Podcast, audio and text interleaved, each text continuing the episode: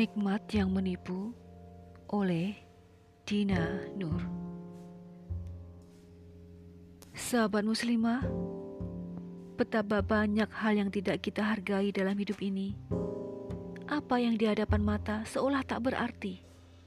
Masih saja mencari-cari, padahal telah banyak yang dimiliki. Melihat kebahagiaan dan kepunyaan orang lain, timbul iri di hati seakan tak ingat bahwa rezeki telah banyak melimpahi diri.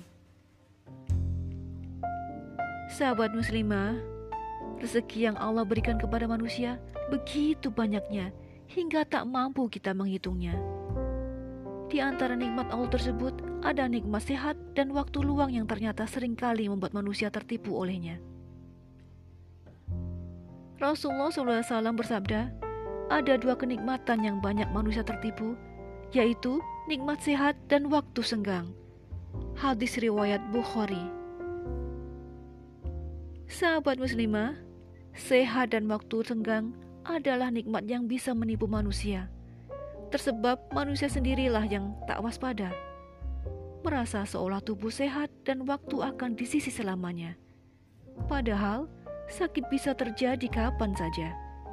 Waktu bisa berhenti setiap saat bahkan tanpa pemberitahuan sebelumnya. Dua nikmat yang sering kali membuat manusia terperdaya.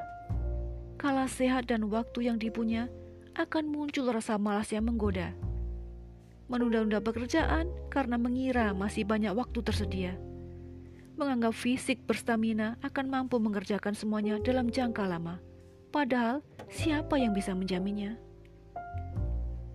Kemudian datanglah berbagai kesibukan dunia yang tiada habisnya, hingga banyak urusan tak selesai pada waktunya. Pekerjaan terbengkalai, kewajiban pun tak sempat dilakukannya.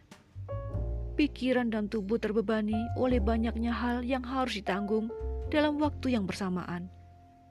Sampai akhirnya sakit menghampiri diri dan membuatnya tak sanggup melakukan apa-apa. Sahabat muslimah, kenikmatan yang luar biasa, namun sayang justru membuat manusia lalai dan terlena.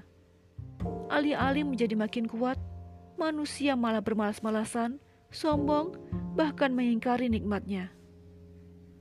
Cobalah diingat, untuk apa saja tubuh sehat kita dipakai? Sudahkah sehat itu disyukuri dengan melakukan hal-hal yang Allah ridhai? Sudahkah nikmat kesehatan itu dijaga atau justru malah tak peduli dan dipakai untuk menzolimi? Begitu pula nikmat waktu senggang yang kita punya. Untuk apa sajakah waktu 24 jam sehari yang kita punya? Sudahkah kita bersibuk dengan amalan dan kebaikan atau justru berleha-leha? Atau malah kita tersibukkan oleh dunia yang tiada habisnya? Sahabat muslimah, Kala tubuh lemah dan tak berdaya, barulah tersadar nikmat tubuh yang sehat dan segar bugar. Andai dulu lebih menjaga, maka sakit mungkin tak menyapa. Andai dulu lebih menata, mungkin pekerjaan bisa terselesaikan. Kini hanya bisa berandai-andai dalam kesakitan di atas pembaringan. Begitulah, penyesalan memang selalu terlambat. Ketika waktu masih dimiliki, tak dimanfaatkan untuk produktif dalam kebaikan, tapi malah disia-siakan. Ia pun terlewat begitu saja tanpa ada tambahan amal yang terkumpulkan. Seringkali sang waktu bergulir di hasil hal-hal yang anfaidah. Yang lebih parah lagi adalah menggunakan waktu untuk merancang keburukan dan melakukan kemaksiatan. Naudzubillah. Sahabat muslimah, nikmat sehat hendaknya dipakai dalam ketaatan waktu senggang manfaatkan untuk kebaikan, menyibukkan diri dalam ketakwaan, bukankah seperti itu yang dia perintahkan? Ada kalanya niat baik telah ditetapkan, namun diri dalam kondisi yang tak memungkinkan. Sehat tak bersama badan, waktu terasa sempit dan berkejaran, amalan pun urung dilakukan. Ada kalanya tubuh sehat dan bugar, namun waktu enggan beriringan. Di lain waktu, kesempatan terbuka lebar, sayang tubuh dalam kondisi lemah dan kesakitan. Aktivitas terpaksa harus menyesuaikan keadaan. Sahabat muslimah, Sakit adalah ketetapannya. Namun, kita diwajibkan untuk berikhtiar menjaga kesehatan. Bila kita telah melaksanakannya dan tetap sakit, maka wajib bersabar dan mencari penyembuhan. Adapun kewajiban lainnya tetap dilakukan sesuai dengan kesanggupan. Allah telah memberi kemudahan dan keringanan. Dia juga tak menguji hamba di luar batas kemampuan.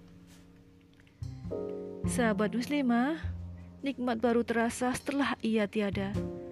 Sayangnya, kebanyakan dari manusia terlambat menyadarinya. Bersyukur bila kita masih diberi kesempatan untuk merasakan kembali nikmat Allah Ta'ala. Menjalankan perintah dan menjauhi larangannya adalah cara terbaik mensyukuri semua nikmatnya yang luar biasa. Sungguh beruntung kala sehat dan waktu kita miliki. Dengannya kita bisa melakukan banyak kebaikan. Bukan hanya sibuk dengan urusan duniawi, tetapi lebih-lebih untuk tujuan ukhrawi nanti. Sahabat muslimah, kembalilah mengingat hakikat dunia. Sesungguhnya, ia menjadi ladang untuk mencari bekal akhirat yang kekal selamanya. Dunia yang fana ini adalah jembatan menuju tempat akhir yang sesungguhnya di sana. Selama nyawa masih dikandung badan, berikanlah amalan terbaik sebagai hamba bertakwa. Wallahu a'lam bishawab.